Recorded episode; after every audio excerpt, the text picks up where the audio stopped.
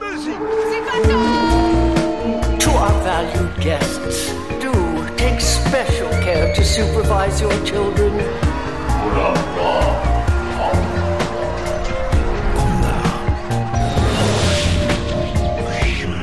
Het is weer ochtend in Pretparkland. Goedemorgen pretparkland en welkom bij je ochtendelijke pretpark podcast. Mijn naam is Ellen Taats en Thibaut van Lok en ik neem je vanochtend mee naar Shanghai Disneyland.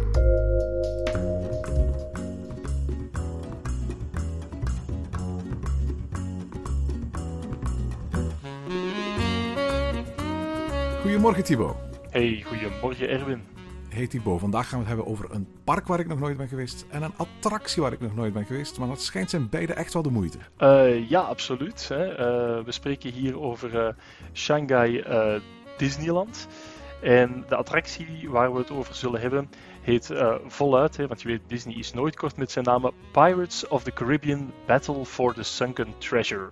Absoluut. Nu, oorspronkelijk zat een bezoekje aan Shanghai Disneyland voor mij in de planning in mei van vorig jaar. Om voor de hand liggende reden is dat niet door kunnen gaan. Jij hebt het geluk te kunnen zeggen dat je in alle twaalf Disneyparken ter wereld al geweest bent, hè? Ja, ja dat, uh, dat klopt. Ik voel mijzelf zeer geprivilegeerd. Dan moet ik wel zeggen dat het, ja, dit is uh, uh, bucketlisten, maar met een goede reden. Want ja, de Disneyparken, net als vele andere parken hoor trouwens, die liggen mij nauw aan het, nauw aan het hart. En ik ja, kon het toch niet laten om, om redelijk kort na de opening van het Shanghai Disneyland Resort daar ook een keer door de poort te gaan wandelen. Hoe is het eigenlijk, dat Shanghai Disneyland Resort? Uh, het resort, als we echt over het resort spreken, is het een beetje heel raar. Uh, waarom? Ik, uh, ik heb verbleven on-site in het Shanghai Disneyland Hotel. En ik had eigenlijk nooit echt het gevoel dat ik in, in een bubbel zat. Het, leek wel alsof dat, ja, de, de buitenwereld op een of andere manier toch zijn weg bleef vinden naar binnen toe. En dat, dat, heeft ook wat te maken waarschijnlijk met dat lokale uitgaansgedeelte, het lokale Disney Springs of Downtown Disney, hè, daar genaamd Disney Town. Ja, ook uh, redelijk uh, stilistisch lijkt misschien op bepaalde onderdelen die je uit de buitenwereld kent. Dus het resort valt wel mee aan zich. Maar het park zelf um, ja, was, was wel geweldig. Uh, te meer ook omdat we kennen natuurlijk Californië, Hongkong, Parijs, Florida, Tokio. Maar deze is toch wel net dat beetje anders, om niet te zeggen geheel anders dan de Disney's die we al kennen. Ja, authentically Disney, but distinctly Chinese, beschreef Bob Iger hè? Ja, klopt, uh, klopt inderdaad. En um, dat maakt ook dat, uh, dat deze Disney uh, helemaal geen link legt met de Verenigde Staten. Hè. hier is um, geen verwijzing naar Main Street USA, om maar wat te zeggen. Hier is geen western gedeelte, wat natuurlijk ook heel sterk die, die roots in de Verenigde Staten heeft. Het is ja, helemaal anders bekeken, bedacht, opgezet. Maar er zit natuurlijk nog altijd wel een soort van ja, Disney-kern in, uh, die, die, die ja, mensen die al in de andere Disneyparken zijn geweest, links en rechts nog wel gaan kunnen herkennen. De Disney-stempel blijft wel aanwezig natuurlijk. Ja, want het midden is er natuurlijk altijd een heel groot kasteel. Uh, er is een soort Main Street, is geen Main Street USA, maar daar heet het Mickey Avenue. En rond dat kasteel bevinden zich als de spaken van een karrewiel nog altijd themagebieden, met name als Tomorrowland en Fantasyland, die we ook wel kennen uit andere parken natuurlijk. Ja, absoluut, absoluut. Dat, dat klopt wel. Maar ook daar toch ook, zelfs de dingen waarvan je denkt, die kennen we wel, die zijn zodanig anders. Bijvoorbeeld het Tomorrowland gedeelte. Uh, hierin vind je uh, geen Space Mountain terug, geen klassieke Astro Orbiter CQ Orbitron attractie. Um, er is ja, eigenlijk een totaal andere atmosfeer ook terug te vinden. Net hetzelfde met, met uh, Fantasyland is, is, is veel groter, wijdser, opener uh, opgezet met veel meer groen. Um, en ook als we kijken bijvoorbeeld naar die Central Plaza, dat is misschien nog het belangrijkste verschil. Um, die is zodanig groot aangelegd dat je ja, letterlijk minuten nodig hebt om hem over te lopen. Hè. Um, men noemt het daar de Gardens of Imagination, omdat het echt letterlijk een, een aanvoelt als een grote paleistuin van het kasteel, waar dat bijvoorbeeld de Dumbo-attractie, maar ook de carousel uh, in zijn, uh, zijn ondergebracht. Dus het is toch wel, ja, uh, weet je wat het is? Je hebt soms het gevoel als je naar Florida gaat en daarna naar Disneyland in Tokio, dat je een soort van Stranger Things-achtige upside-down wereld inkomt als zijnde. Ik ken het wel van ergens, maar het is toch een beetje anders dat maak je niet mee in Shanghai, want alles is wel danig anders, om het zo te zeggen. Ja, het is het meest recente Disneypark van alle Disneyparken, geopend in juni 2016. Dus straks viert het zijn, zijn vijfde verjaardag. Ehm, maar het, meest bijzondere, denk ik, en voor onze luisteraars, is uiteraard de, de, de Disney-characters die erin aanwezig zijn. Want voor alle duidelijkheid, dit is het eerste park. Het is niet het eerste park in China. Dat, het eerste park in China dateert uit 2005 en was Hongkong Disneyland. Maar in mainland China, op het Chinese vasteland, was dit wel het eerste park. En nu moet je weten dat Disney in China niet de bekendheid heeft die Disney overal ter wereld had. De meeste van de tekenfilms waar wij mee groot geworden zijn, die zijn nooit in China uitgebracht. En zelfs films die ze later hebben aangekocht, denk maar aan, aan Star Wars, ja, die zijn pas in hele recente versies uitgebracht in, in, in, in China. Maar in de jaren 70 en 80 zijn bijvoorbeeld de oorspronkelijke Star Wars films nooit uitgebracht uh, voor de Chinezen. En dat betekent dus dat ze van een heel ander arsenaal aan characters gebruik moesten maken als ze dit park gingen openen. Ja, klopt. Eigenlijk moet je min of meer de rekenschap aan geven dat de Chinezen mee zijn met Disney sinds de release van uh, Rapunzel. Hè. Dus um, dat, dat is ja 2010, 2011 zoiets. Dus ja, dan, dan zit je natuurlijk wel met een iets beperkter uh, aandeel. Langs de andere kant is het wel duidelijk zo dat Disney nog altijd de intentie heeft om de Chinezen uh, ja, uh, kennis te laten maken, ook met de oudere attracties. Zo is er bijvoorbeeld een Seven Dwarfs Mine Train in het park terug te vinden die gebaseerd is op Sneeuwwitje. Er is ook een Peter Pan Dark Ride die gebaseerd is op Peter Pan. Maar dat, dat ja, heeft meer een beetje te maken met uh, ja, hoe kunnen we dit nog verkopen? Hoe kunnen we dit toch nog in de verf zetten? Maar voor de rest zijn heel veel attracties, hè, als ze uh, verbonden zijn aan een IP, want er zijn ook heel wat niet-IP-georiënteerde attracties, ja, gefocust op modernere, recentere zaken. Denken we aan de Toy Story franchise, denken we even goed aan uh, Tron, hè, ook een uh, film, Tron Legacy dan hier in dit geval uit 2010. De Pirates of the Caribbean zijn ook aanwezig en dit is misschien al meteen een eerste belangrijke, waar wij de Pirates of the Caribbean kennen als de klassieke Dark Ride, waar later films zijn van gemaakt, uh, maakt Shanghai Disneyland de cirkel rond door terug te grijpen naar de films. Dus hier is de Pirates of the Caribbean attractie, de attractie waar we het over gaan hebben, volledig gebaseerd op de films. Ja, absoluut. De attractie is oorspronkelijk in 1967 geopend in Disneyland Anaheim. En daarna in, op Hongkong na alle parken van Disney ter wereld ook geopend. Alleen in Hongkong hebben ze er nog nooit een variant van, uh, van gebouwd. In Disneyland Anaheim opende eh, Pirates of the Caribbean in een themagebied dat New Orleans Square heette.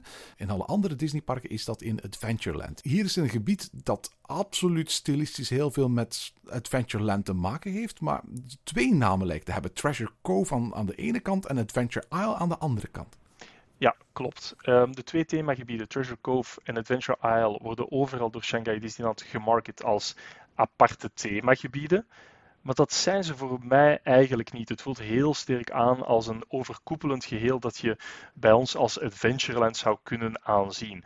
Eh, anders zou je bijvoorbeeld, om, om het vergelijk te maken, onze Adventureland in Parijs ook kunnen opdelen in drie delen. Zeg maar het piratengedeelte rond Pirates of the Caribbean, het Noord-Afrikaanse gedeelte rond eigenlijk de toegangszone van Adventureland vanaf de hub, daar waar dat het, uh, ja, het 1001 nachtpaleis staat, zeg maar. Plus dan ook nog eens een uh, Indische zone ter hoogte van Kolonel Hati en de Indiana Jones achtbaan. Dus het is een beetje een, een allegaartje dat avontuur moet uitstralen, zeg maar. Ja, en dat is misschien wel interessant om, om, om, om, om, om te weten eigenlijk, hè, dat, dat Disney telkens ze een Disney-park bouwen waar een soort van Adventureland-achtig themagebied is, is gaan nadenken, wel, voor de mensen die, die, die naar dit park gaan komen, wat is voor hen exotisch? Wat is voor hen avontuurlijk?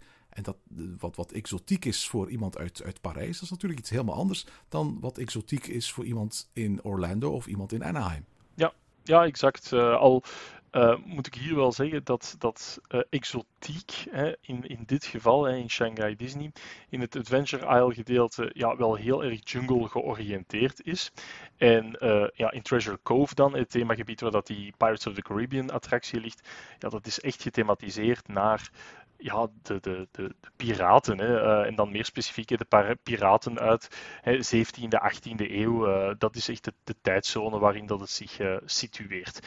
Het enige verschil dat hier dan wel weer belangrijk is, is waar dat bijvoorbeeld, hè, um, in, althans in Disneyland in, in Parijs, maar evengoed in Orlando, er wordt gekozen voor de attractie te huisvesten in een piratenfort dat um, ja, toch wel een beetje afstamt uit vroegere tijden, uh, is het wel zo dat Treasure Cove zich afspeelt alsof dat de piraten daar nog altijd zijn en leven. En ja, dat je dus letterlijk terug de tijd wordt ingeslingerd, zeg maar. In Adventure Isle heb je in Shanghai Disneyland attracties zoals Soarin' Over the Horizon, uh, de, theater waar je naar de Tarzan show kunt gaan kijken. En ook de Roaring Rapids, ja, een rapid river langs en door de Roaring Mountain. Treasure Cove draait dan helemaal rond piraten. Maar Pirates of the Caribbean is niet de enige attractie daar. Uh, nee, niet echt. In die zin, uh, ze adverteren in het park dat er nog een aantal andere attracties zijn. Naast Pirates of the Caribbean um, kan je eigenlijk wel stellen dat. Um, althans, ja, de stuntshow uh, van Jack Sparrow, Eye of the Storm, zowat de tweede grootste trekpleister is. En dan zijn er ook nog een aantal um, ja, kleinere attracties waaronder de Explorer Canoes. En de Explorer Canoes, dat is een ja, attractie die je nog in sommige Disney resorts terugvindt. Ik denk in Tokyo en Anaheim heb je hem nog. Um, het is een ja, letterlijk in een kano plaatsnemen en je peddelt jezelf voort op de wateren van Treasure Cove Adventure Isle in dit geval. Ik vind dat zo'n tof attractie. Een paar jaar geleden heb ik die nog gedaan in Anaheim. Ik vond het zo fantastisch om gewoon te kunnen paddelen over de Rivers of America daar. Vroeger hadden ze het ook in Orlando, maar die attractie hebben ze daar afgesloten. En ook in Parijs kon je dat nog doen, hè? Kanoën vroeger? Ja, inderdaad. Hè. In uh, Parijs uh, hebben ze dat eventjes gehad, de Indian Canoes. En dat was eigenlijk, voor, voor zij die het nog willen terugvinden, een beetje, de overblijfselen daarvan kan je nog altijd terugvinden in de Pocahontas Indian Village. Ik denk dat het nu ondertussen een nieuwe naam heeft, maar dat is dat kleine speeltuintje dat helemaal achterin Frontierland is gelegen. Daar vind je eigenlijk nog de goot waar dat je vroeger instapte in,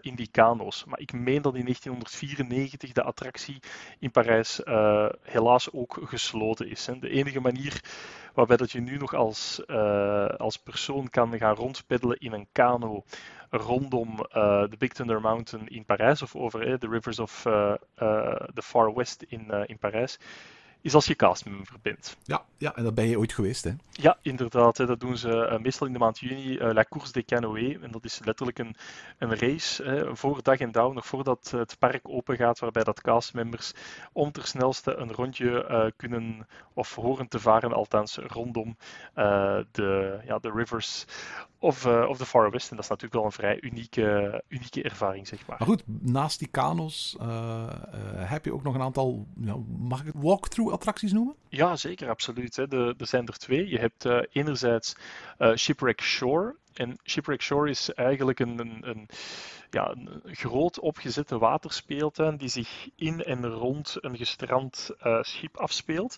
Um, nu, ik moet wel zeggen, als je denkt aan Disney en waterspeeltuinen, dan zullen veel mensen denken aan uh, de Casey Jr. Uh, Soak Splash uh, trein die in Magic Kingdom staat, in Orlando.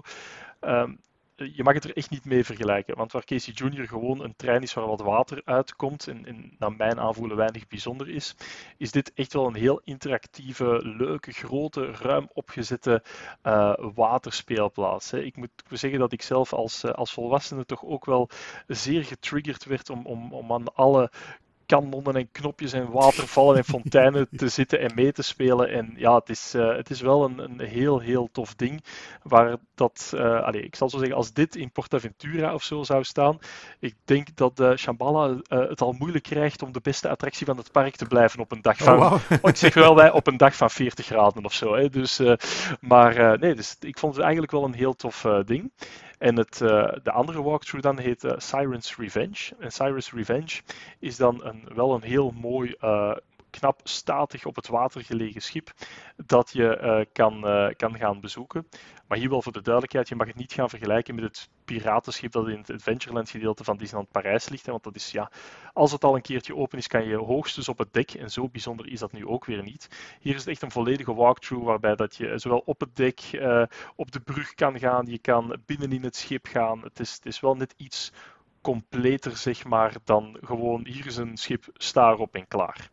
Ja, ik ben er natuurlijk nog nooit geweest, maar als je het zo vertelt, doet het mij een beetje denken aan de sailing ship Columbia. Dat, dat grote schip, een replica geloof ik van het eerste Amerikaanse schip dat ooit de wereld rondvaarde in eh, Disneyland in Anaheim. Ehm, en daar doet het ongeveer eh, een, een rondje uh, van 12 minuten of zoiets op de Rivers of America. Maar tijdens die vaartocht word je eigenlijk aangemoedigd om ook in het schip af te dalen en daar kajuiten en de kombuis en de, de, wapens en zo te gaan bekijken. En op die manier heb je eigenlijk daar een soort van varende walkthrough. Daar doet het mij een klein beetje aan denken dat heeft er inderdaad wat van weg. Hier vaart hij natuurlijk niet. Hier is het schip echt uh, stationair aan, uh, aan de kade. Uh, maar het is wel net iets completer dan de, dan de versie die we hebben in, in Anaheim. Je moet het ook een beetje, als je het kan vergelijken met iets de, kort bij huis, moet je echt wel het zien als dat je bijvoorbeeld uh, ik zeg wat, de Batavia in Lelystad gaat bezoeken. Het is iets in, in, in dat genre. Natuurlijk min, niet authentiek of minder authentiek, het is maar hoe je het wilt zien. Maar het is wel een, een vrij complete, uh, leuke, toffe walkthrough. Ik zou zeggen, in, in belevingswaarde uh, kan je hem gerust plaatsen naast Les Mystères du Nautilus bij ons of zo.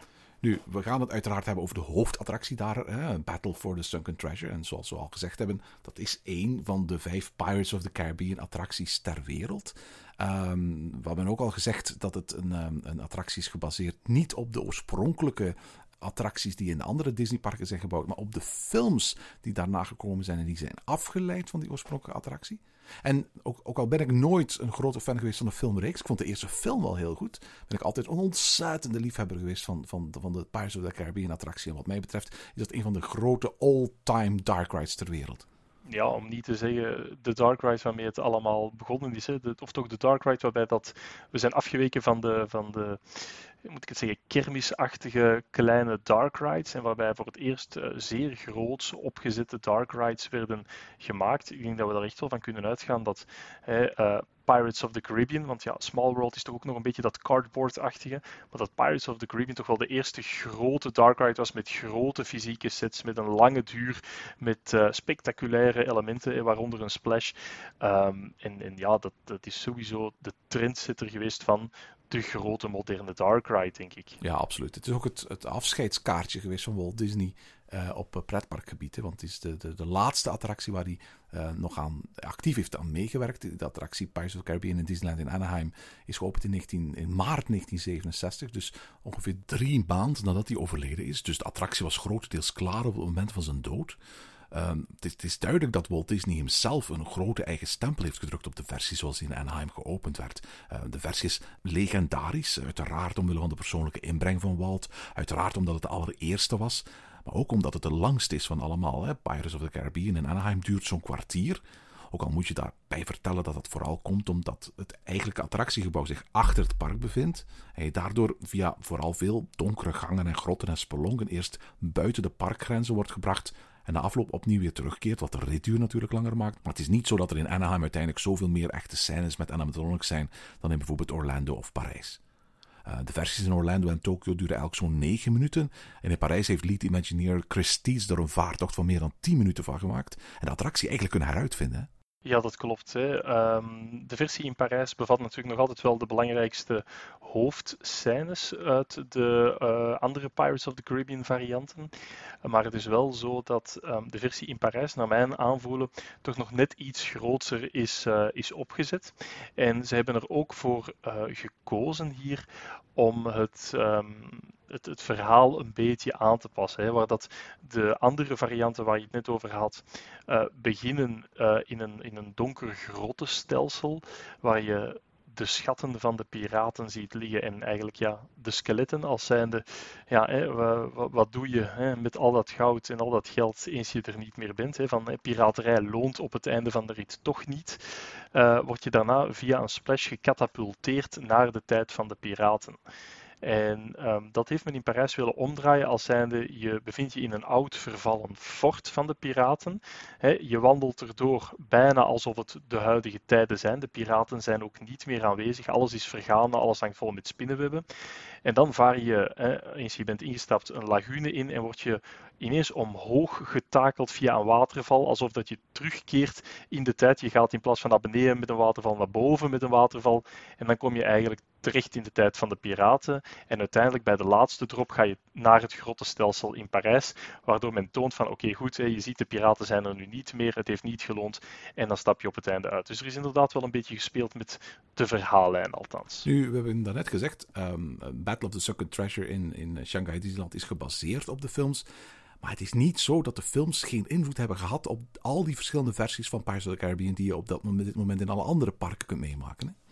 Uh, nee, inderdaad. Hè. Um, het is zo dat hè, de film uh, zo'n danig succes werd, of toch een, zich heeft kunnen uitbouwen tot een, uh, tot een hele franchise, um, dat de naam Pirates of the Caribbean door de meeste mensen niet meer werd geassocieerd met dat is een attractie uit Disneyland. Het, werd juist andersom. Hè. Als mensen naar Disneyland gingen en ze zagen een attractie Pirates of the Caribbean, ja, dan kon je als Disney zijnde nog maar moeilijk zeggen: oké, geniet van die attractie.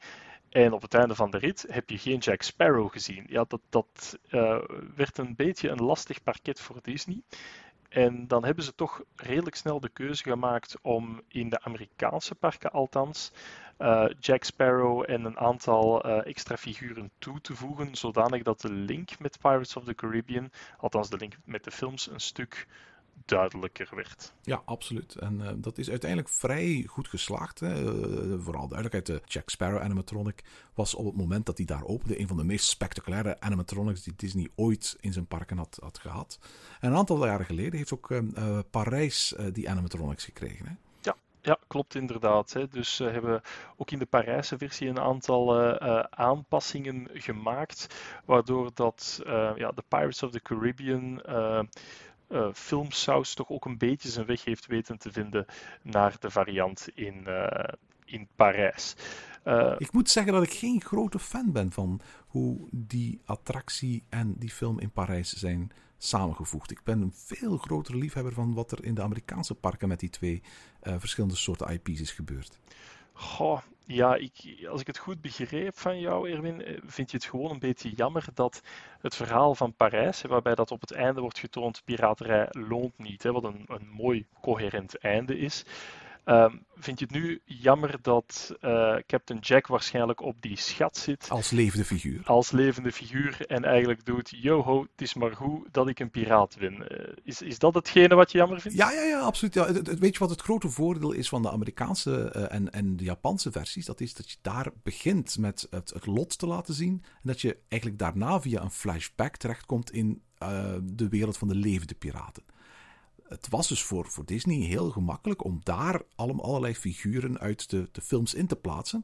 En zeker die, die, de figuur van Jack Sparrow, die ook de meest spectaculaire animatronic is van de hele attractie, helemaal op het einde als een soort van finale te gaan plaatsen. Want die had daar een hele logische plek. In Parijs eindigt helaas de attractie, althans helaas vanuit het standpunt als je als Imagineer zo'n zo'n film daar moet gaan incorporeren, met alle gestorven piraten. Met andere woorden, je ziet de schatten die ze bij elkaar verzameld hebben, maar tegelijkertijd ook een gruwelijke lot. Je mag wel je hele leven lang allerlei goud bij elkaar verzameld hebben, maar uiteindelijk eindig je, net zoals iedereen, als een skelet. En, en dat einde wordt gruwelijk verstoord door op die grote laatste hoop met goud in één keer Jack Sparrow te zien zitten en wat drinken en wat zitten bewegen. Eigenlijk wordt daar het verhaal dat zo zorgvuldig is omgedraaid om op een logischere manier het verhaal te vertellen dan Amerikaanse parken hadden, totaal afgebroken. Dat, uh, dat wil ik ergens uh, wel volgen. Nu denk ik dat wij als, als laat ons zeggen, de Disney-puristen daar waarschijnlijk makkelijker over vallen dan mensen die in de attractie stappen en we varen erdoor en we kijken ernaar. Ja, natuurlijk, absoluut. Ik, ik maak me geen illusies dat voor, voor 99,5% van de bezoekers dit echt geen enkele keer door hun gedachten schiet dat dit niet klopt. Langs de andere kant vind ik toch nog altijd wel dat ze het mooi hebben opgelost. Want voor de duidelijkheid, um, in de allereerste film van Pirates of the Caribbean, um, die draait grotendeels over vervloekte piraten die um, ja, in het maanlicht van de nacht veranderen in skeletten. En wat Disney daar, wat mij betreft, wel redelijk mooi heeft opgelost, is. En deze animatronic vind je voor de duidelijkheid niet in die vorm terug in alle andere attracties van, uh, van Pirates uh, is dat de animatronic van Barbosa hier letterlijk staat in dat laatste stuk met de skeletten. En je hem ook bij een blikseminslag ziet veranderen van een persoon van vlees en bloed naar een skelet, waardoor dat die skelettenscène uh, op een of andere manier wel kan worden aanzien als een, scène uit die eerste film, waarbij dat, de levenden en de doden perfect door elkaar heen uh, kunnen gaan. Ja, klopt. Dat, dat, is, dat is absoluut waar bij, bij de figuur van Barbosa. Wat trouwens een geweldige animatronic is. De vlotheid waarmee zo met zijn arm dat zwaar door de lucht klieft, is ongelooflijk voor een animatronic. En ook al is het blacklight effect waarmee je eigenlijk verandert van levend naar dood heel erg eenvoudig, ik heb altijd een heel indrukwekkend effect gevonden. Dus wat dat betreft geen kwaad woord daarover. Het is vooral die Jack Sparrow die er daarna komt waar ik het wel lastiger mee heb. Ja, ik weet het niet. Ik vind het eigenlijk nog wel te doen. Um, vooral omdat in de Amerikaanse versies is die Jack Sparrow, en dat is duidelijk echt een Jack Sparrow met een papegaai erbij. En hij zit op zijn stoel en hij is zijn geld aan het tellen en hij is rum aan het drinken en alles erop en eraan. In Amerika staat hij zo in een hoekje weggeduwd. Je ziet hem zo wat amper. En hier krijgt hij wel echt de ruimte en de openheid door schoon op die schat te zitten. Weet je, dat klopt wel op een of andere manier. En ook in, in true Disney fashion is het ook heel vaak zo dat je boot daar al in de file stilstaat om naar het unloading bay te gaan. Ja, heb je tenminste wel echt iets fameus om naar te kijken. Dus ik, ik snap absoluut wat je zegt, Erwin. Maar als je nu tegen mij zou zeggen van, weet je wat, we halen die Jack Sparrow daar terug uit en we zetten daar terug gewoon een statisch uh, skeletje met wat spinnenwebben mag wat mij betreft Jack Sparrow wel blijven zitten. Nu, vorige week heeft uh, Disney bekendgemaakt dat uh, de Jungle Cruise dit jaar ook een grote update gaat, uh, gaat krijgen. Uh, ik had al zo'n aankondiging verwacht. in de allereerste plaats natuurlijk omdat we later dit jaar een Jungle Cruise film op ons af zien komen. En mijn eerste angst was dat net zoals bij Pirates of the Caribbean het geval was, ook die, die, die film wel eens voor zou kunnen zorgen dat Jungle Cruise heel wat movie tie-ins zou krijgen. Uit wat Disney voorlopig heeft bekendgemaakt is zo dat de Jungle Cruise dit jaar vooral wat um, politiek correcter gaat worden gemaakt. Maar dat er voorlopig in elk geval nog geen figuren uit de film of verhaalelementen uit de film op een zeer opzichtige manier deel zullen uitmaken van, uh, van de scènes die je daar ziet. En ik hoop echt dat uh, wat dat betreft het daar ook bij kan blijven. Maar uiteraard, ik snap ook wel dat heel veel af zal hangen van het succes dat, uh, dat die film zal hebben. Als, als die Jungle Cruise film nu in één keer extreem populair zal worden en er komen nog twee of drie of vier vervolgen, dan snap ik ook wel dat na een tijdje mensen die naar de Disneyparken gaan en daar een Jungle Cruise aantreffen, zoiets gaan hebben van, maar waarom, waarom staat bij wijze van die figuur van The Rock, hè, de hoofdrolspeler in die film, daar niet tussen? En dan kunnen we dat ook wel eens uh, meemaken. Dus in dat opzicht ben ik altijd, als Disney zo'n zo film uitbrengt, gebaseerd op een attractie, eigenlijk iemand die hoopt dat die film niet al te veel succes gaat hebben. Hè? Zoals we gelukkig gespaard zijn gebleven van een Eddie Murphy animatronic in The Haunted Mansion, hoop ik nu ook vurig dat de Jungle Cruise film hard genoeg gaat floppen, zodat we bespaard kunnen blijven van animatronics van Dwayne Johnson en Emily Blunt. Laat staan dat ik straks Metallica als achtergrondmuziek wil horen in de wachtrij daar.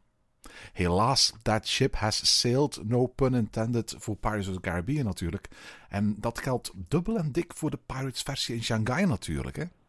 Ja, dit is uh, volledig gebaseerd op, op de film uh, franchise. Dit uh, ja, is, is, is ervoor gedaan. Hè. De films van Pirates zijn, uh, naar wat ik begrepen heb, uh, nog succesvoller geweest in Azië dan in Europa of de Verenigde Staten. Ja, klopt. Ik, ik hoorde wat, dat de vijfde film uh, zelfs eigenlijk helemaal geproduceerd is alleen maar voor die Aziatische markt. De vijfde film is ook hier en in Amerika wel uitgebracht, maar heeft uiteindelijk een veelvoud aan winst gemaakt in Azië dan dat hij in Europa en Amerika samen heeft, heeft, heeft opgebracht. Dus met andere woorden, dat zijn films letterlijk voor die markt.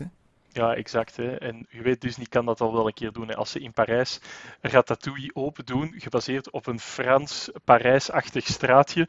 En dat heeft heel veel succes, ondanks dat uh, dat pretpark op 30 kilometer van het echte Parijs ligt. Ja, dan weet je dat de Franse chauvinist kiest voor attracties waar dat hem zelf trots op is, hè, om het zo te zeggen. En net zo waarschijnlijk hier in, uh, hier in Shanghai, als de, um, de, de Pirates franchise uh, een goede cash cow is voor Disney ter plaatse, dan weet je dat zo'n attractie volk op de been gaat, uh, gaat brengen natuurlijk. Zegt Thibaut, neem ons eens mee door dat Spaans-koloniale fort waar Pirates of the Caribbean in gevestigd is. Ik heb hier een foto van het fort voor mij staan. Ik zie daar een grote zwarte vlag boven de ingang hangen. Net zoals er een grote vlag hangt bij de ingang van de attractie in Parijs of in, in, in Orlando.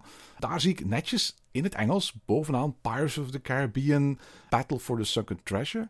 Maar ik vermoed dat dat ongeveer het enige Engels is van de hele attractie. Klopt dat? Ja, dat klopt, uh, dat klopt inderdaad. Um, hoe je het eigenlijk moet zien, want dit geldt natuurlijk niet alleen voor deze attractie, maar dit geldt voor heel Shanghai Disneyland, is zo dat um, alles is opgezet in het Mandarijn. En ergens is dat ook logisch, hè, want ja, ik denk dat meer dan 90% van de bezoekers van Shanghai Disneyland wel degelijk Chinezen zijn. Um, dus als jij attracties gaat, uh, gaat doen of shows gaat bekijken, alles is voor 100% eentalig Mandarijn. Voilà. Langs de andere kant, uh, het blijft natuurlijk wel Disney en dat is vooral fijn dan voor ons, is het wel zo dat als er ergens geschreven tekst staat, denk maar aan uh, hier bijvoorbeeld het toegangsbord voor uh, Pirates of the Caribbean, maar evengoed de menus in de, in de restaurants of de safety warnings bij attracties, etc., ga je wel ook altijd de Engelse tekst erop kunnen naslaan. Dus het is heel vergelijkaardig met, uh, voor mensen die er al geweest zijn, met de beleving die je eigenlijk krijgt in het uh, Tokyo Disney Resort. Hetgene wat dat dan wel opvalt ten opzichte van Tokyo, is dat de Engelse taalkennis van de gemiddelde castmember in Shanghai Disneyland eigenlijk best goed is. Wij komen met Engels bijna overal wel terecht. En als er een castmember was die het echt niet verstond, ja, dan moest hij maar ja, twee seconden zoeken zeg maar, naar een collega die het Engels wel machtig was. Wat toch al een groot voordeel is ten opzichte van, uh, van Tokio. Ja, absoluut. Want ook al kun je daar her en daar meer Engels horen in de attractie dan wellicht in China het geval is, uh, het, het, Engelse taalkennis van, een, van, van de castmembers in Tokio, hoewel ontzettend vriendelijk, die is wel heel erg beperkt. Hè? Ja, ik kan je zeggen, ik ben een keer in City Hall geweest, toch een beetje het infopunt van het park. Eh, City Hall te Tokyo Disneyland en niemand uh, kon Engels. Dat is tamelijk vervelend. maar goed, hè, jij, jij, bent natuurlijk op die moment op reis en het is aan jou om je toch ook een beetje uh, daarnaar te schikken. Hè? Oh nee, nee, nee. ik, ik, ik, voor alle duidelijkheid, ik pas mij wel aan hè, met handen en voeten en met, met, uh, met Google Translate op mijn, op mijn telefoon. Exact. dat, dat, dat is geen probleem. Ik verwacht niet dat zij Engels leren als dat bij wijze van spreken een taal is die amper door een paar procent van de bezoekers gesproken wordt. Inderdaad, inderdaad. Zeg maar, eh, ook het feit dat wij dus alle twee geen Mandarijn kennen, ik ga daar eventjes bij jou gemakshalve van uit. Wat betekent dat dan ook voor het, voor het begrip van, van, van de attractie? Want ik heb onder andere al eens een on-ride gezien van uh, deze attractie. Daar wordt behoorlijk wat in afgekletst. Ja, en daar snap je letterlijk niks van. Daar komt het op neer.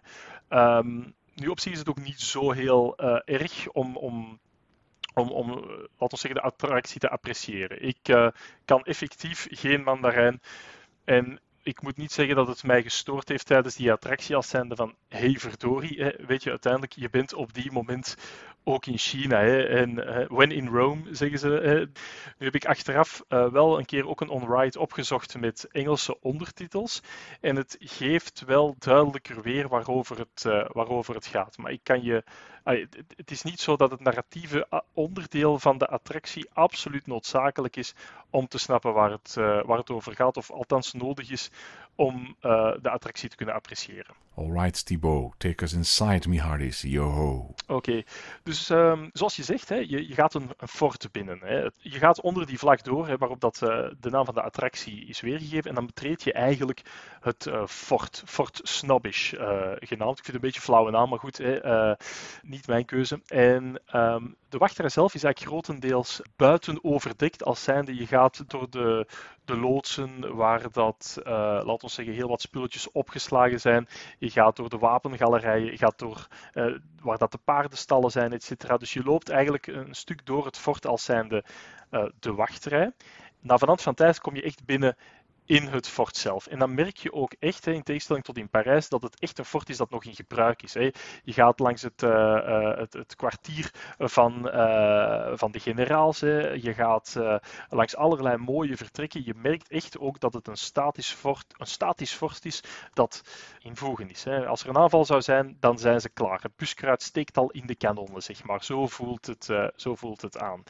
Het stukje binnen is niet zo'n lange wachtrij, want eigenlijk al redelijk snel kom je daarna aan bij de boten. En wat ik toch wel eventjes moet zeggen over die, die schepen, uh, die zien er vrij uh, traditioneel uit. Hè. Wat bedoel ik daarmee? Dat zijn letterlijk schepen zoals je ze zou kennen uit de gemiddelde bootvaartattractie. Hè. Denk maar aan onze Pirates in, um, in Parijs. Maar met dat verschil dat daar idioot veel volk in past. Eén boot kan 30 personen vervoeren. Dat is meer volk dan je in een gemiddelde achtbaantrein kwijt kan. En daar gaat boot na boot na boot dat uh, parcours op. Je merkt het ook aan de wachtrij. De wachtrij is, dit is by far de populairste attractie van het pretpark. Er is geen fastpass aanwezig en volgens mij is dat ook echt niet nodig, want deze attractie is een menseneter, nee, een mensenvreter. Ongelooflijk. Ja, Battle for the Sunken Treasure heeft een capaciteit van 4200 personen per uur. Wat na de Tomorrowland Transit Authority met 4600 personen per uur de attractie is met de hoogste capaciteit van alle Disney-attracties ter wereld. En, en, daar ben ik blij om, want een van de meest frustrerende zaken aan nieuwe attracties die Disney de laatste jaren opent, denk maar aan Flight of Passage of Rise of the Resistance, is hoe laag die capaciteit telkens weer is in vergelijking met de populariteit die je van zulke attracties mag verwachten. Tja, dus uh, dat is inderdaad lastig. Hè. Ik denk dat daar ook natuurlijk wel keuzes moeten gemaakt worden. Want ja, een transportsysteem in dat genre, hè, dat zoveel volk erdoor kan duwen, ja, dat gaat een aantal um, voordelen hebben, maar ook wel heel wat beperkingen misschien links en rechts ten opzichte van de attractie die ze willen creëren of hoe authentiek ze het willen maken, et cetera.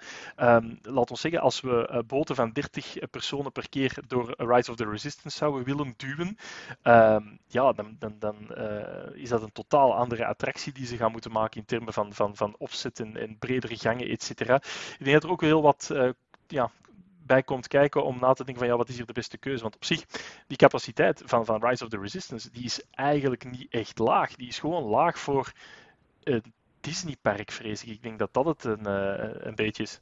Oh ja, maar zet die in, in, in, ongeveer elk park in, in Europa en zelfs alle andere niet-Disney-parken in Amerika. En dat is een van de attracties met de grootste capaciteit van allemaal. Alleen, het is Star Wars natuurlijk in een Disney-park. Ja, ja, het is uh, absoluut. Ik snap absoluut wat, uh, wat, je wilt, wat je wilt zeggen hier, Erwin. Maar goed, um, ja, die keuze die, die maken wij niet, helaas. Die hebben zij gemaakt. En laat ons dan vooral blij zijn dat ze in Shanghai voor Pirates of the Caribbean althans ervoor hebben gekozen om er een de, de mensenvreter van te maken. voilà, dus samen met 29 andere mensen stap je in zo'n boot en dan, dan, dan, dan vertrek je. En uh, net zoals in Anaheim en in uh, Disneyland Parijs is, is ongeveer het eerste wat je ziet een, een restaurant, hè? Ja, ja, klopt inderdaad. Hè. Dus je vaart uh, uh, eigenlijk uit, hè, zal ik zeggen. En ik moet ook zeggen, op deze moment doet de attractie jou ook gewoon nog altijd geloven dat het een, een Pirates of the Caribbean gaat zijn zoals je ze kent, als zijnde een vaartocht langs scènes. Hè. Want je gaat inderdaad de bocht om en je ziet naast jou het restaurant van uh, Captain Barbosa, Barbossa's Bounty.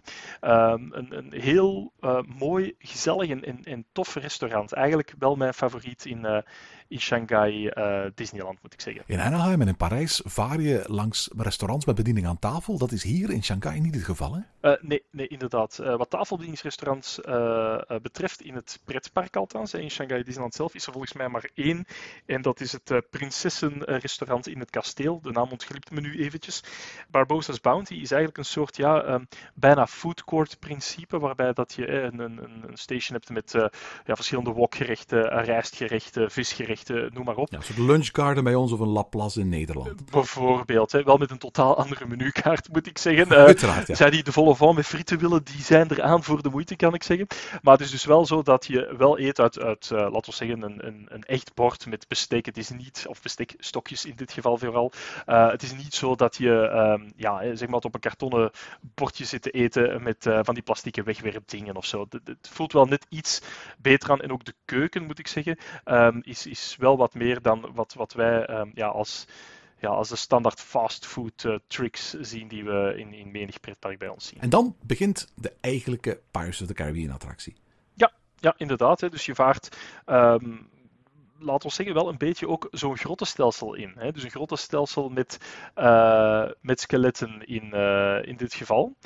En uh, het leuke is dat hier voor de, de, de Pirates of the Caribbean uh, fans toch wel een aantal leuke knipogen uh, terug te vinden zijn naar de originele attractie. Als zijnde niet enkel het feit dat de attractie begint in een grot met statische skeletten, maar ook dat een van de meest iconische scènes uit de Pirates-attracties zijn de, um, uh, de gevangenis waarin dat een aantal piraten zitten.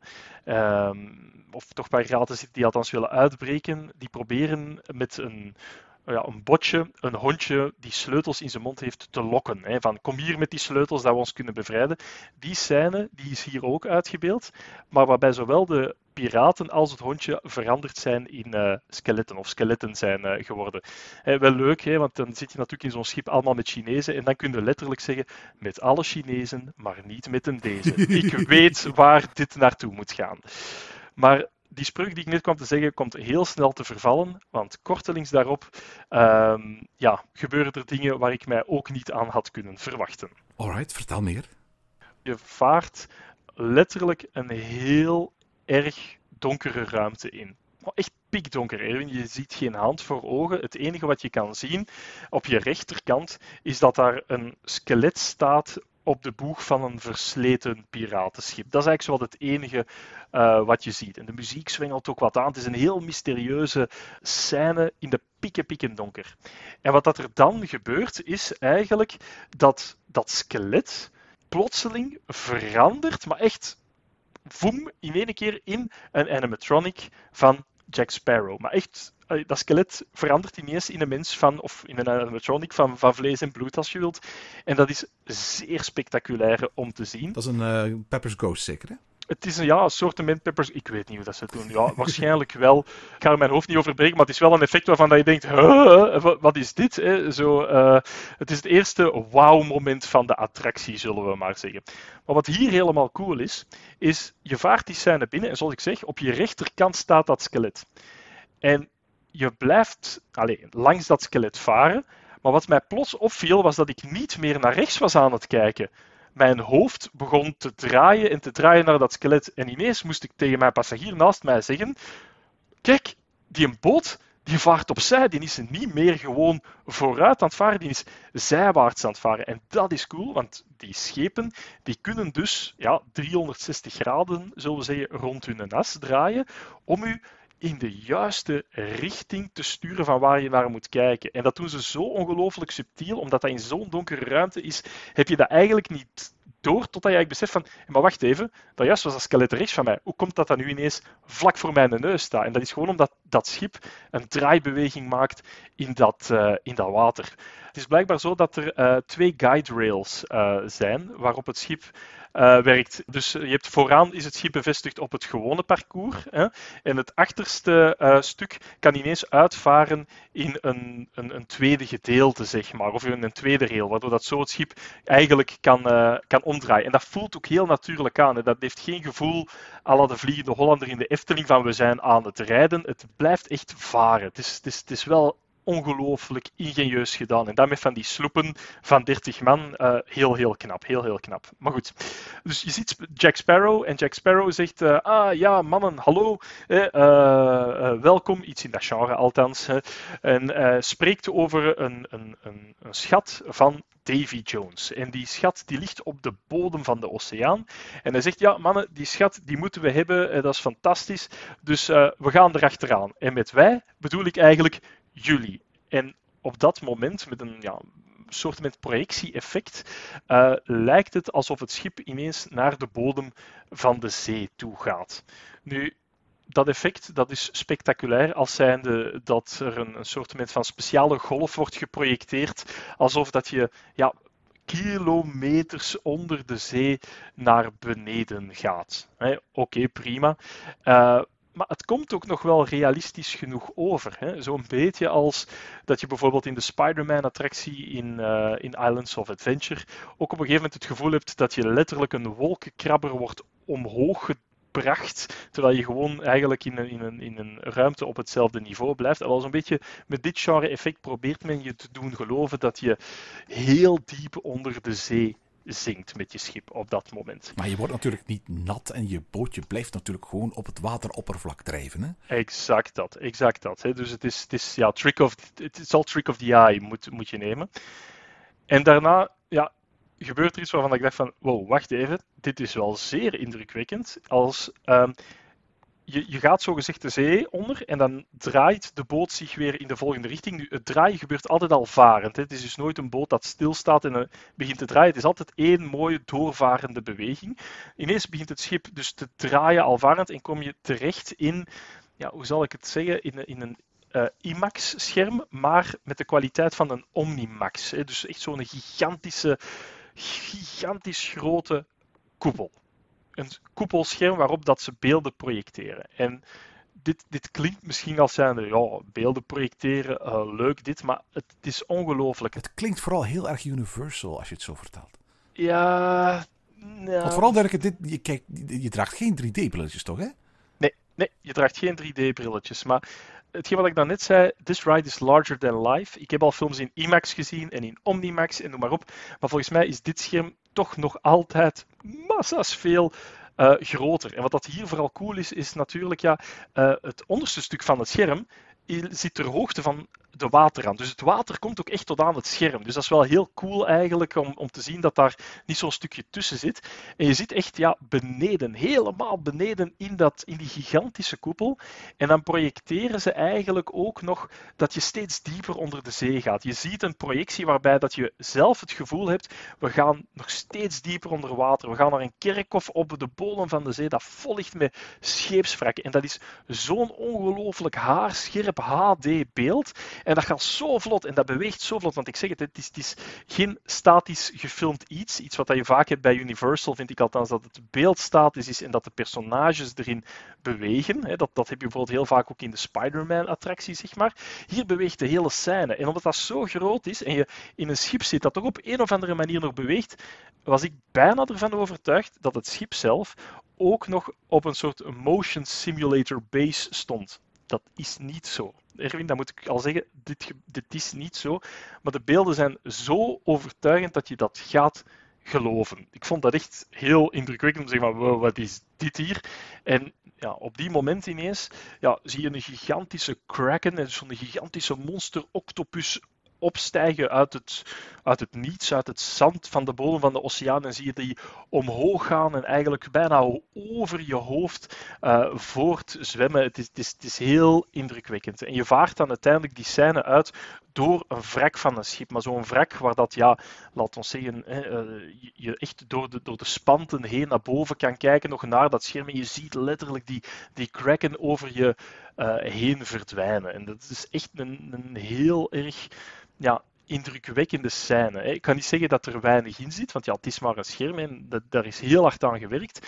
Maar ik was toch redelijk onder de indruk hoe dat een, een, een, ja, een vaartocht doorheen een filmscherm uh, ineens zo'n grote impact op mij kon hebben. Dat was toch wel de moeite, zeg maar. Ja, dat, dat, dat vraag ik mij dus af. Hoe, hoe ik dat ga ervaren als ik die attractie ooit doe. Hè. Want, want vooral duidelijkheid, voor mij is Pirates of Caribbean ja, laten we zeggen, animatronics fest. Ik bedoel, dat, dat, is, dat is een van de redenen waarom ik zo graag naartoe ga. Hè?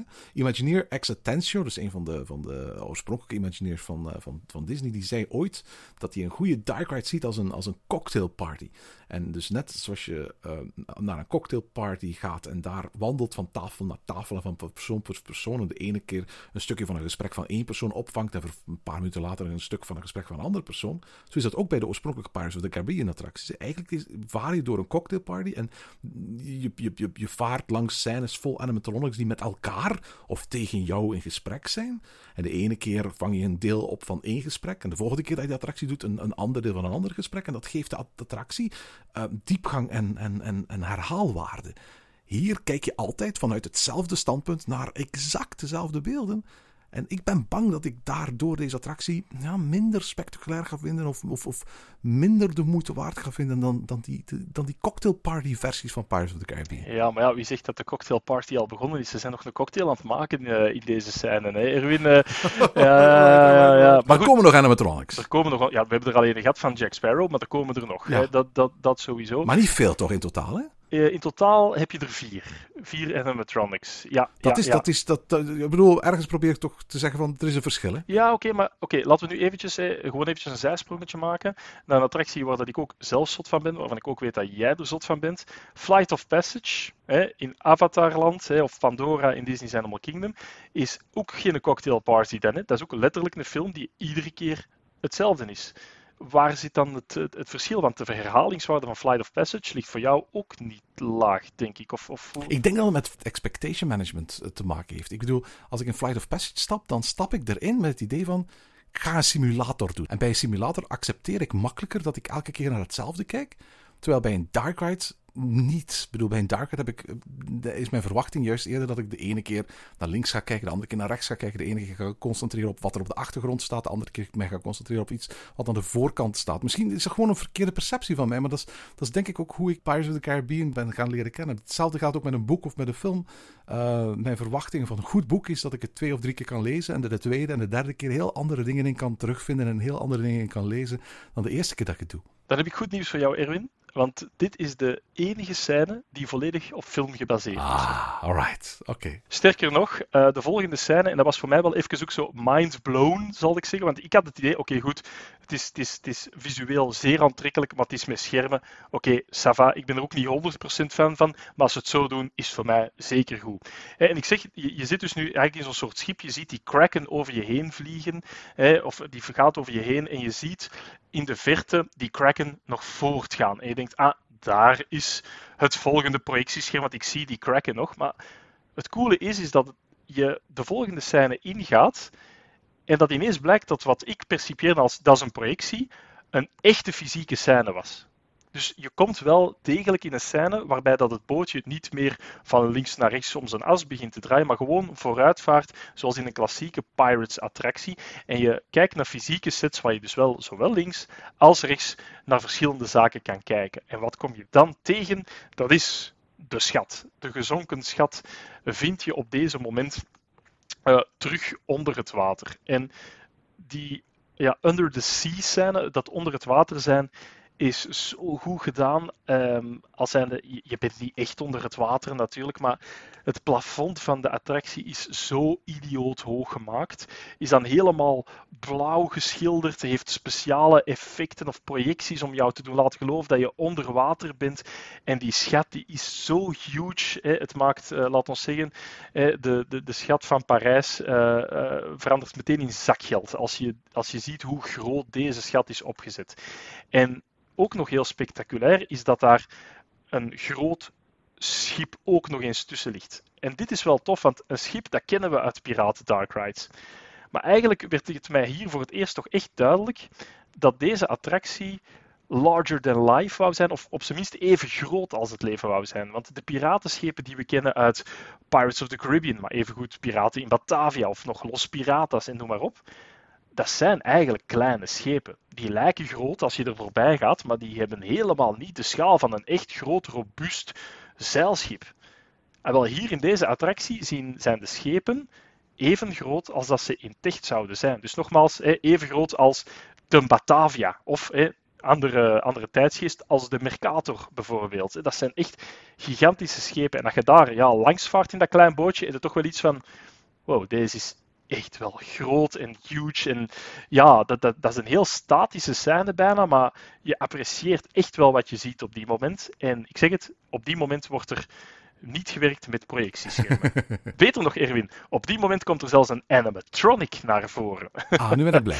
ja, inderdaad. Het is eh, een animatronic van, ik ken het figuur niet helemaal bij naam. Het is uh, de uh, Hammerhead Shark figuur, de tweede film Dead Man's Chest, een van de companen van, van Davy Jones. Marcus heet die geloof ik. Marcus, juist, Marcus, Marcus, dat is hem. En hij zegt, ja, mannen, als jullie denken dat jullie hier zomaar de schat van Davy Jones kunt komen stelen, dan heb je het wel even fout. Uh, Davy Jones wacht al op jullie, hoor. zoiets in, in dat genre. En dan vaart je schip de Flying Dutchman in. Dus dat grote schip dat daar ligt, daar vaar je naar binnen. En de Flying Dutchman is dan uiteraard het schip van, uh, van, van Davy Jones. En dan, eh, één groot feest, Erwin, kom je meteen de tweede en ook de meest spectaculaire animatronic tegen. Het is wel echt wel een van de spectaculairste animatronics die ik al gezien heb in uh, mijn leven. Want wat je eigenlijk ziet, is dat in, in dat schip, hè, dus in de, in, in, dat, in de vertrekken van het schip, zit Davy Jones. Davy Jones is op een gigantisch orgel aan het spelen, maar echt een heel, heel groot orgel. Ook die animatronic is, is we zeggen, drie keer de grootte van de normale mens. Die is echt reusachtig en je, zou er ook echt schrik van kunnen krijgen. Die beweegt heel vlot, heel mooi en die zit echt op zijn orgel te spelen. Je ziet ook uh, stoom en, en, rook uit dat orgel naar boven komen. Door het raam achter hem zie je ook die kraken nog onheilspellend in de verte zwemmen. Dat is een heel grote scène, maar toch op een manier, omdat zich dat in dat schip afspeelt, heeft dat toch ook nog iets, iets, ja, iets klein innemends. Dat is eigenlijk wel heel tof gedaan. En op een gegeven moment draait hij Davy Jones zich om en hij wijst naar u en hij zegt van, hey gulle daar, jullie willen mijn schap komen, eh, komen stelen, zeg maar tegen Jack Sparrow als hij hem wilt, dat hij ervoor moet komen vechten. En op die moment begint hij eigenlijk ja, zijn, zijn piraten op te jutten, of zijn kompanen op te jutten om, om een strijd te starten. En je hoort ook op die moment hè, ineens door ja, dat, dat kleinere stelsel van, van dat schip waar je doorvaart, hoor je ook in de verte al dat er een strijd gaat losbarsten. Je hoort hè, piraten roepen, je hoort sabels klingelen, je hoort echt dat, dat iedereen pumped is om dat goud te stelen. En ik vraag me dan af, ja, dat zal allemaal wel, maar wij zitten hier ja, in, in, in een schip. Hè. Uh, je voelt echt dat ook de muziek begint aan te zwellen. Je voelt, hier gaat iets gebeuren. En ja, met een heel speciaal effect gaat er ineens een fysieke deur open met speciale projecties. Maar echt, dat, dat is op één seconde dat ineens een wereld van piepklein vaargangenstelseltje open gaat naar de grootste scène die je ooit in een Dark Ride hebt gezien. Er gaat een deurtje open en je bevindt je ineens middenin een, een, een, een actieveld waarvan je denkt, wow. Maar Erwin, niet dat ik jou wil teleurstellen, je komt echt wel uit op een gigantisch scherm. Ik vrees dit al. Ja, het is een gigantisch IMAX-scherm. Weer al, dus zo echt huge. Je vaart daar naar binnen, maar eigenlijk op, wat zich op dat scherm dan aan het afspelen is, is dat je ziet dat het schip van Davy Jones van de bodem van de zee omhoog gaat. Jouw scheepje gaat dus ook mee omhoog en alle omringende schepen van dat scheepskerkhof gaan met een rotvaart omhoog. En het lijkt ook echt dus weer al alsof je de zee uitgaat. En omdat dat zo groot gedaan is, ja, heb je ook echt het gevoel van wow, wow. En dat gaat ook snel en hard. En wat er dan gebeurt, is, is eigenlijk ja, bijna hallucinant stom. Want ineens komt u een boot naar het wateroppervlak en dan schiet die Flying Dutchman nog eens hè, in gigantische grootte ook voorbij uw ogen. En op die moment is jouw bootje niks meer aan het doen dan aan het rondvaren tegen 3 km per uur. Er gebeurt weinig, maar heel dat schip, inclusief ikzelf, joelt het uit van enthousiasme, alsof dat ze in een achtbaan zitten. En ik denk, als je dat kan doen, een attractie met een, een idiote trage vaart laten rondvaren, maar de mensen die in het schip zitten het laten uitkrijsen van excitement en spanning, dan zit het toch iets aan doen dat het idee van ik kijk naar een scherm zwaar overstijgt, denk ik, Erwin. Absoluut, absoluut. Ja, ja.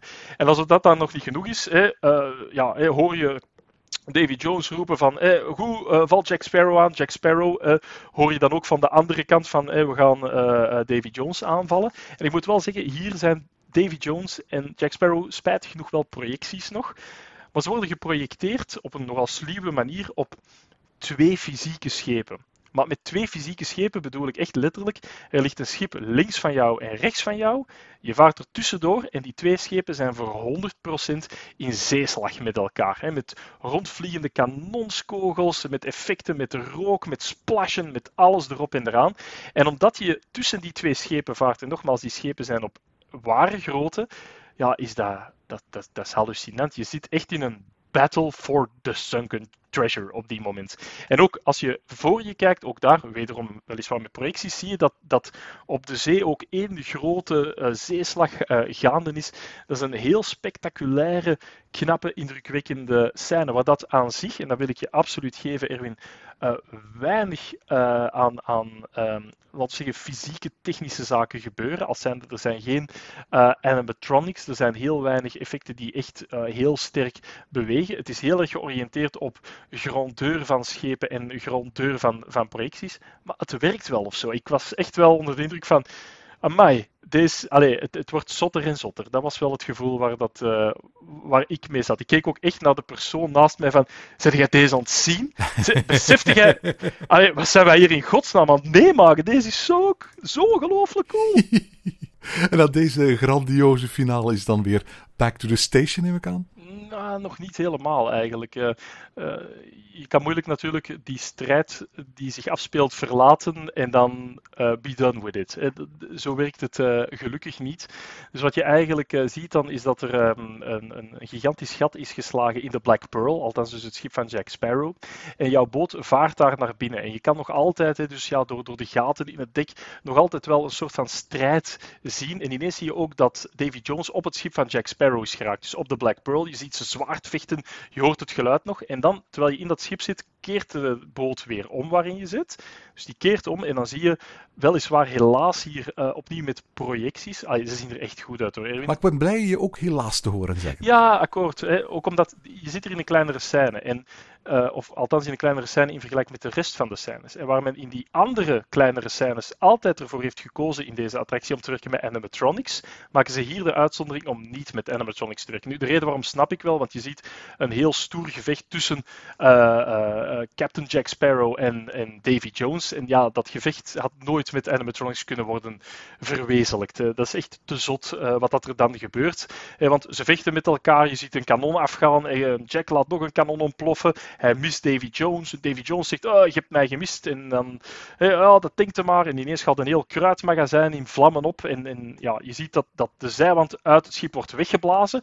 Het bootje van Jack Sparrow, want Jack Sparrow zit ineens toch nog in een bootje. Het kan allemaal maar. Verdwijnt uit dat schip. En jijzelf wordt ook via zo'n gat naar buiten gebracht. Maar het leuke is dat wanneer dat jij zogezegd ook uit het schip uh, naar buiten gaat, dat dat gebeurt met een drop. Dus een splash. Maar niet zomaar een splash, want de splash is achterwaarts. Dus wat je bijvoorbeeld in de andere Pirates attracties altijd zo'n beetje de splash wel kan zien aankomen, zie je die hier echt niet aankomen. Want ineens valt die een boot naar achter. En dat is wel cool. Ook omdat je tot dan nergens in de attractie iets van de lifthill hebt meegemaakt. Dus het is wel een heel onverwachte, een heel onverwachte drop, zeg maar. En de drop eindigt ook niet meteen met een directe splash. Het is letterlijk naar beneden vallen. En dan, zoals een achtbaan, eigenlijk nog een volledige heuvel nemen. Met zo'n gigantische boot van 30 man.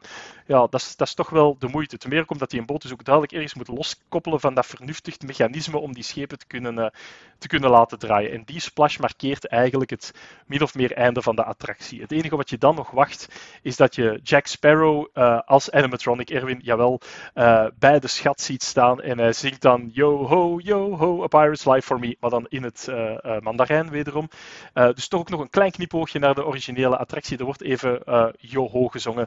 En dan vaart je schip terug de, de loading dock in en is ja, het gedaan. Ja, Ja, je, je, enthousiasme werkt aanstekelijk. En, en ik, ik, had nooit gedacht dat ik zelf zo enthousiast zou kunnen zijn door een um, um, screen-based Pirates of the Caribbean attractie. Want over het algemeen, zeker als het gaat om dark rides, zit ik daar niet op te wachten. Ik vind Ratatouille een van de minste dark rides die ik ooit heb gedaan. Dus, dus, uh, maar ik, ik, heb ondertussen wel door dat ik, dat ik niet de vergelijking tussen Battle of the Sunken Treasure en, en Ratatouille in Parijs mag maken. Oh, oh, oh nee, Erwin, blasphemy. Weet je wel. Uh, uh, nee, ik ben ook zelf niet zo'n grote Ratatouille-fan. het is zo'n beetje de Spider-Man for kids, tussen aanhalingstekens. Maar dit, dit mag je in de verste verte...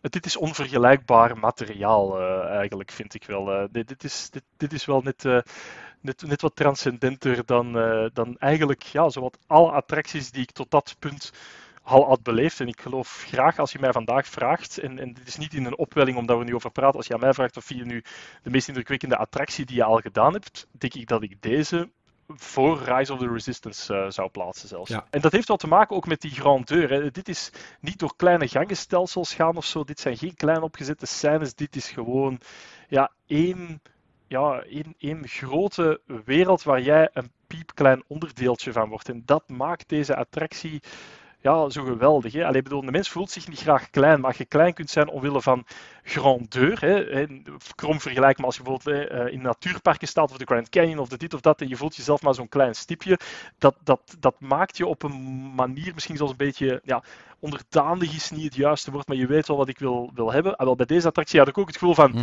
we're, we're, a tiny speck here, bij wijze van spreken. Toch in de omkadering van wat ik uit attracties uh, gewoon ben, althans. Wat ik mij nu afvraag, is, is dit, dit, deze attractie is in naam Pirates of the Caribbean. Zitten er ook verwijzingen naar de andere attracties van Pirates of the Caribbean in? Of is het, is het echt 100% de films? Het is 100% uh, uh, de films. Als je dan toch een aantal verwijzingen wilt terugvinden, die zijn dan al wel meer voor de professionals hoor. Dus bijvoorbeeld, ik zeg maar, die hond met die, met die, met die, met die sleutels in zijn bek. Uh, bijvoorbeeld ook uh, dat typische skelethoofdje dat in Parijs op het einde uh, zit en dat dan zegt hij: Hi matey, stay seated until you reach the dock. Hè? Weet je wel, dat, dat vind, dat, daar vaar je ook onder door. Weliswaar hier helemaal aan het, aan het begin van, van, van de attractie. Um, ik geloof ook dat bijvoorbeeld het, het, het, het, gezicht van de kapitein die op de Wicked Wench zit, hè, dus het, het schip uit de originele Pirates-attracties. In ons geval bijvoorbeeld in Parijs het schip dat je ziet meteen na de eerste, de eerste afdaling. ik geloof dat, dat, dat zijn gezicht ook ergens ja, deel uitmaakt van een van de gezichten die je tegenkomt in de, in, in de projecties en zo. Dus er zitten wel een aantal knipogen in. Maar ik, ik ga heel eerlijk zijn, voor, voor iemand die zegt van ik ga Pirates of the Caribbean beleven in een nieuw jasje. Nee, het is een gloednieuwe attractie eh, met gloednieuw alles en een gloednieuw type dat gewoon het label Pirates of the Caribbean uh, heeft gekregen. Dit is zeker en vast niet de Pirates of the Caribbean zoals je hem, zoals je hem kent. Je mag het vergelijk eigenlijk niet maken, vind ik.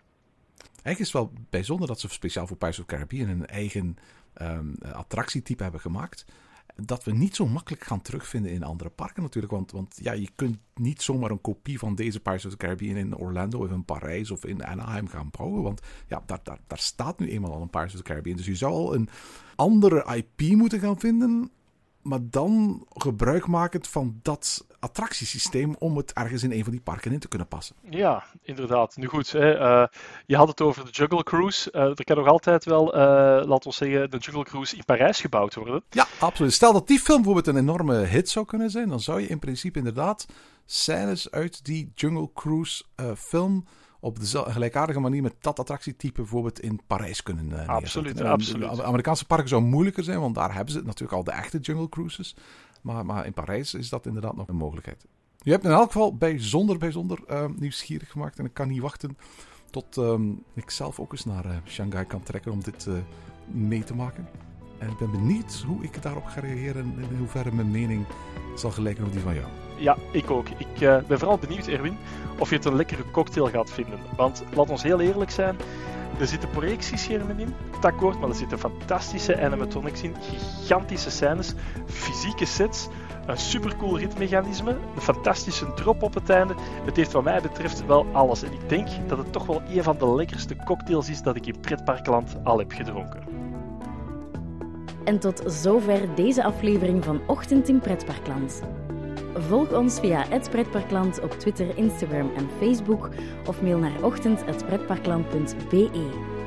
Ochtend in Pretparkland is de pretparkpodcast voor vroege vogels. Bedankt voor het luisteren en maak er een fijne dag van.